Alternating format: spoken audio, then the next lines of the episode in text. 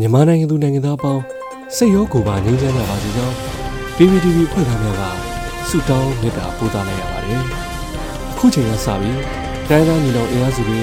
ပြည်သူ့ကာကွယ်ရေးတပ်မတော် PDF တပ်သားတွေနဲ့ပြည်သူလူထုရဲ့အရှိန်ဟုန်မြင့်မားလာသောတိုက်ပွဲသတင်းတွေကို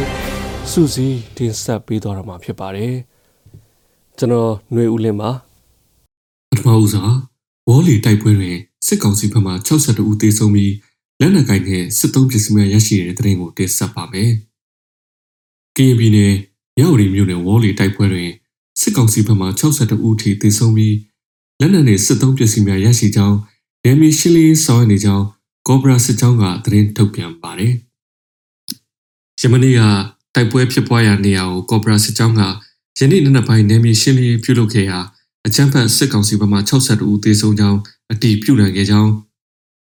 စစ်သုံးပစ္စည်းနဲ့လက်နက်ပစ္စည်းများစွာကျဲခဲ့ပြီးနယ်မြေရှင်းလင်းရေးဆက်လက်ပြုလုပ်လျက်ရှိကြောင်းသတင်းထုတ်ပြန်ထားပါတယ်။တိုက်ပွဲတွင်စစ်ကောင်စီဘက်မှအသေးဆုံးများခဲ့ပြီးရဟတ်ရင်နှစ်စီးဖြင့်လာရောက်ပစ်ခတ်ခြင်းကြောင့်တနက်၃လက်နဲ့ခဲရန်အချို့သာရရှိခဲ့ကြောင်းရှေ့တန်းသတင်းရင်းမြစ်ကပြောပါတယ်။ဂျမနီမတ်လ29ရက်နေ့နနက်တွင်မြောက်ဝတီဖလူးဘက်မှဝေါ်လီဘက်သို့အင်အား400ဝန်းကျင်ဖြင့်စစ်ကြောင်းထိုးလာသောစစ်ကောင်စီတပ်ဖွဲ့ကို KNL ပူးပေါင်းအဖွဲ့ကမိုင်းဆွဲတိုက်ခိုက်ခြင်း ဝိုင်းဝန်းပစ်ခတ်ခဲ့ခြင်းကြောင့်စစ်ကောင်စီဘက်မှစစ်သား30ထက်မနည်းတေဆုံးခဲ့ခြင်းပါ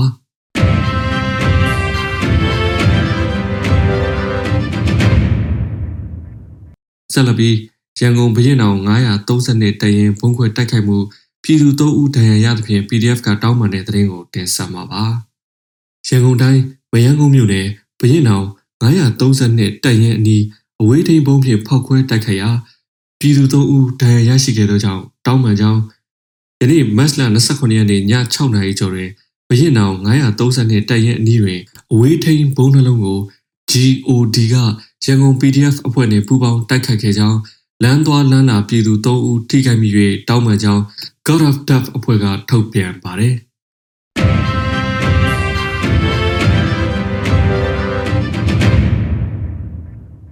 ကမ်ဘလာတိုက်ပွဲတွင်စစ်ကောင်စီတပ်ဖွဲ့ဝင်2ဦးသေဆုံးနိုင်တယ်ဆိုတဲ့သတင်းကိုဆက်လက်တင်ဆက်ပါမယ်။ဒီနေ့မတ်လ29ရက်နေ့မွန်းတဲ့7နာရီမှမွန်းလွဲ2နာရီခန့်အချိန်ထိကမ်ဘလာမြို့နယ်အတွင်းအကြမ်းဖက်စစ်ကောင်စီနှင့်ပြည်သူ့ကာကွယ်တပ်ဖွဲ့တို့ကြားတိုက်ပွဲများပြင်းထန်စွာဖြစ်ပွားခဲ့ကြောင်းကမ်ဘလာမြို့အတွင်းရှိအကြမ်းဖက်စစ်ကောင်စီတပ်ဖွဲ့သည်တပ်မတော်နှင့်အထိမ်းအမှန်ပြုလုပ်ရန်တန်းစီနေခြင်းတွင်ပျောက်ကြားစနစ်ဖြင့်ဝင်ရောက်နေရာယူနေသောပြည်သူ့ကာကွယ်တပ်ဖွဲ့မှစတင်ပြတ်ခတ်ခဲ့ခြင်းဖြစ်ကြောင်း အကြမ်းဖက်စစ်ကောင်စီဘက်မှထိခိုက်ကြဆုံးမှုအတိအကျမသိရှိရတော့လဲ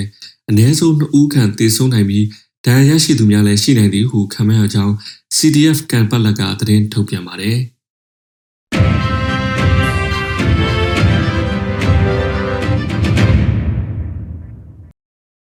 မုံရွာတွင်လက်ပစ်ပုံးဖြင့်ပြစ်ခတ်မှုစစ်ကောင်စီတပ်ဖွဲ့ဝင်တအူးသေဆုံးခဲ့ပြီးမုံရွာ GDC တွင်တပ်ဆွဲထားသောစစ်တပ်ကိုလည်း 40မမဘုံဒီလက်နက်ဖြင့်ပြစ်ခတ်ခဲ့တဲ့သတင်းကိုတင်ဆက်ပါမယ်။စကိုင်းတိုင်းမုံရွာမြို့နယ်ရမဏိည9နာရီဝန်းကျင်ခန့်က P80 လမ်းနဲ့တာစီလမ်းတောင်တွေရပ်ထားသောစစ်ကောင်စီအင်ကားတစ်စီးကို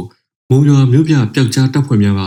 လက်ပစ်ဘုံဖြင့်ပစ်ခတ်တိုက်ခတ်ခဲ့ရာစစ်ကောင်စီတပ်သားတအူးသေဆုံးပြီး၃ဦးဒဏ်ရာရရှိကြောင်းမုံရွာ Night King အဖွဲ့မှသတင်းထုတ်ပြန်ကြေညာပါတယ်။ထို့အပြင်မတ်လ29ရက်နေ့ယနေ့တွင် အောင်ချမ်းသာတရင်ဆက်ကြောက်ထောင်တွင်တလုံးအောင်ချမ်းသာအောင်မင်္ဂလာလမ်းဆောင်တွင်တလုံးကြောက်ကလန်းညိုညိုစီတိုဟူးလမ်းကြားနှင့်ဘူဒါကြီးနီတလုံးဝါဆက်ကွင်းနှင့်တာစီလန်းကျရနာဘုံဘိုးဘွားရိပ်သာစီးပွားရေးဘဏ်အာဇာနီလန်းမြို့လယ်မီးပွိုင်းတို့ကို Peacock Generation Force PGF ရခညီနောင် Special Task Force God of Snake မုံရွာနေကြစတဲ့မဟာမိတ်အဖွဲ့များက ဖောက်ခွဲမှုများပြုလုပ်ခဲ့ကြောင်းသိရှိရပါတယ်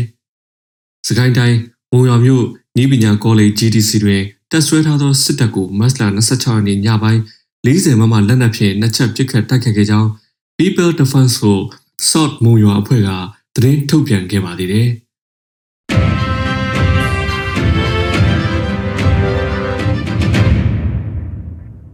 တထုံတိုက်ပွဲတွင်စစ်တပ်တပ်ဖွဲ့ဝင်6ဦးသေဆုံးတဲ့တဲ့ရင်ကိုဆက်သွားပါမယ်။ KN မျိုးသားစီယုံ KNU KNL တပ်မဟာတင်နယ်မြေတထုံမြို့နယ်ပိနေတော်ကျွရရှိစစ်ကောင်စီတပ်များကို KN မျိုးသားလွတ်မြောက်ရေးတပ်မတော် KNL နဲ့ပြည်သူ့ကာကွယ်ရေးတပ် PDF ပူးပေါင်းတပ်ဖွဲ့များကလက်နက်ကြီးဖြင့်ပစ်ခတ်တိုက်ခတ်ခဲ့ရာစစ်ကောင်စီတပ်မှ6ဦးသေဆုံးပြီး3ဦးဒဏ်ရာရရှိခဲ့သည်ဟုတထုံ PDF ကသတင်းထုတ်ပြန်ပါတယ်။မတ်လ26ရက်နေ့နေ့လယ်7:00နာရီခွဲခန့်တွင်တထုံမြို့နယ်ပိန်းနေတော်ချေးရွာရှိ စစ်ကောင်စီအမှတ်ရှိရှေ့တန်းကုတ်ကဲရေးဌာနချုပ်အထိုင်စခန်းနှင့်ရှေ့တန်းစခန်းတို့အား KNL တပ်မဟာတဲ့တရင်နှင့်တထုံ PDF People Force နှင့်တထုံပြည်သူပျောက်ကြားများပူးပေါင်း၍တိုက်ခတ်ခဲ့ခြင်းဖြစ်သည်ဟုထုတ်ပြန်ချက်တွင်ဖော်ပြထားပါသည်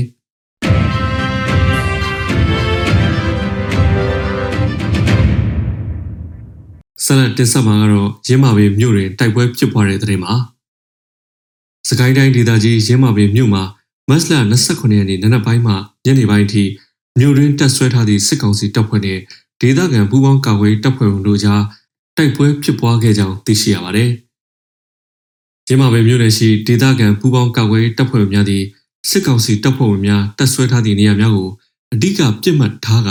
ထိုးစစ်ဆင်ခဲ့ပြီးနောက်ထို့သို့နှစ်ဖက်တိုက်ပွဲဖြစ်ပွားခဲ့ခြင်းဖြစ်ကြောင်းဆက်လက်သိရှိရတာပါ။ယနေ့တိုက်ပွဲတွင်ဒေသခံပူးပေါင်းကာကွယ်တပ်ဖွဲ့ဝင်များဘက်က လက်နက်ကြီးများဖြင့်ပြန်လည်ပစ်ခတ်တိုက်ခိုက်ခဲ့မှုကြောင့်စစ်ကောင်စီတပ်ဖွဲ့ဝင်များတပ်ဆွဲထားသည့်နေရာချို့တွင်ကြာရောက်ပောက်ကွဲခဲ့ကြောင်းသိရှိရပါသည်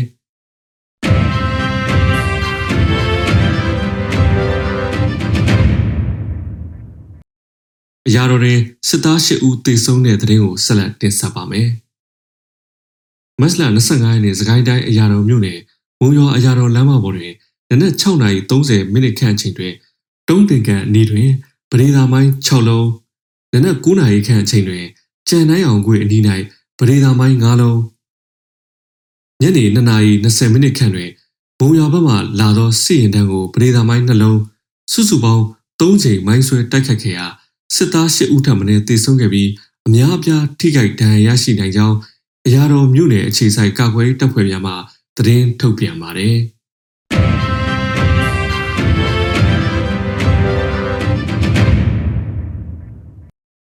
မိုးပြင်းမှာစစ်တပ်ကင်းဘုံစခန်းတိုက်ခိုက်ခံရပြီးစစ်သား9ဦးသေဆုံးတဲ့တဲ့ရင်ကိုဆက်လက်တင်ဆက်ပါမယ်။ရှမ်းတောင်ပိုင်းမိုးပြင်းအခြေဆိုင်စစ်ကောင်စီရဲ့လင်းနှစ်နှစ်အခြေဆိုင်စခန်းအနီးကင်းဘုံစခန်းကိုကရင်ပြည်အမျိုးသားများကာကွယ်တပ်ဖွဲ့ကတံပြန်ပျောက်ကြားတိုက်ခိုက်ခဲ့ပါတယ်။မတ်လ26ရက်နေ့ည9:30မိနစ်20ခန့်တွင်ကရင်ပြည်အမျိုးသားများကာကွယ်တပ်တပ်ရင်း3နဲ့တပ်ရင်း7တို့ပူးပေါင်းပြီးပျောက်ကြားတိုက်ခိုက်ခဲ့တာလို့ဖော်ပြထားပါတယ်။တံ ပြန်ပျောက်ကြားတိုက်ခတ်မှုကြောင့်စစ်ကောင်စီဘက်က9ဦးသေဆုံးခဲ့ပြီး KNDF ရဲဘော်တွေအထိကိမရှိပြန်လည်ဆုတ်ခွာနိုင်ခဲ့တယ်လို့ဖော်ပြပါဗျ။ Internet line ဖုန်းလိုင်းအခက်အခဲတွေကြောင့်အချိန်နဲ့တပြေးညီသတင်းထုတ်ပြန်နိုင်ခြင်းမရှိတာကိုလည်း KNDF တပ်ရင်း3ဖဲခုံစုံကအသိပေးပါတယ်။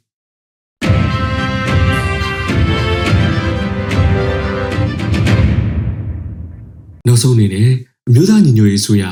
ပြည်ထောင်စုနဲ့လူမှုကြီးကြပ်ရေးဝန်ကြီးဌာနက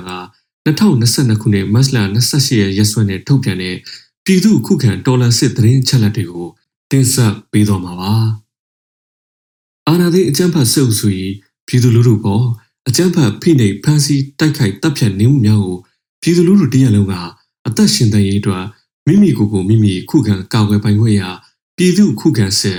People Defenses War ကိုဆင်နွှဲလျက်ရှိပါတယ်။ သတင်းချက်လက်များအရ29ရက်3လ2022ခုနှစ်နေ့ရက်တွင်စစ်ကောင်စီတပ်ဖွဲ့ဝင်62ဦးသေဆုံးပြီးထိခိုက်ဒဏ်ရာရရှိသူ28ဦးအထိခုခံတိုက်ခိုက်နိုင်ခဲ့ပါတယ်။စစ်အာဏာရှင်စနစ်မြမမျိုးပေါ်မှာပြီးတိုင်ချုပ်ငြိမ်းရေးနဲ့ Federal Democracy စနစ်တည်ဆောက်ရေးအတွက်ငြိမ်းချမ်းစွာဆန္ဒပြသည့်လူထုတပိတ်တိုက်ပွဲများကပြည်내နဲ့တိုင်းဒေသကြီးများမှာဖြစ်ပွားပေါ်ပေါက်လျက်ရှိပါတယ်။မြေပြင်မှာ ယခုတွေ့ရတဲ့သတင်းအချက်လက်ထက်ပို၍ဖြစ်ပွားနိုင်ပါတယ်ခမညာ။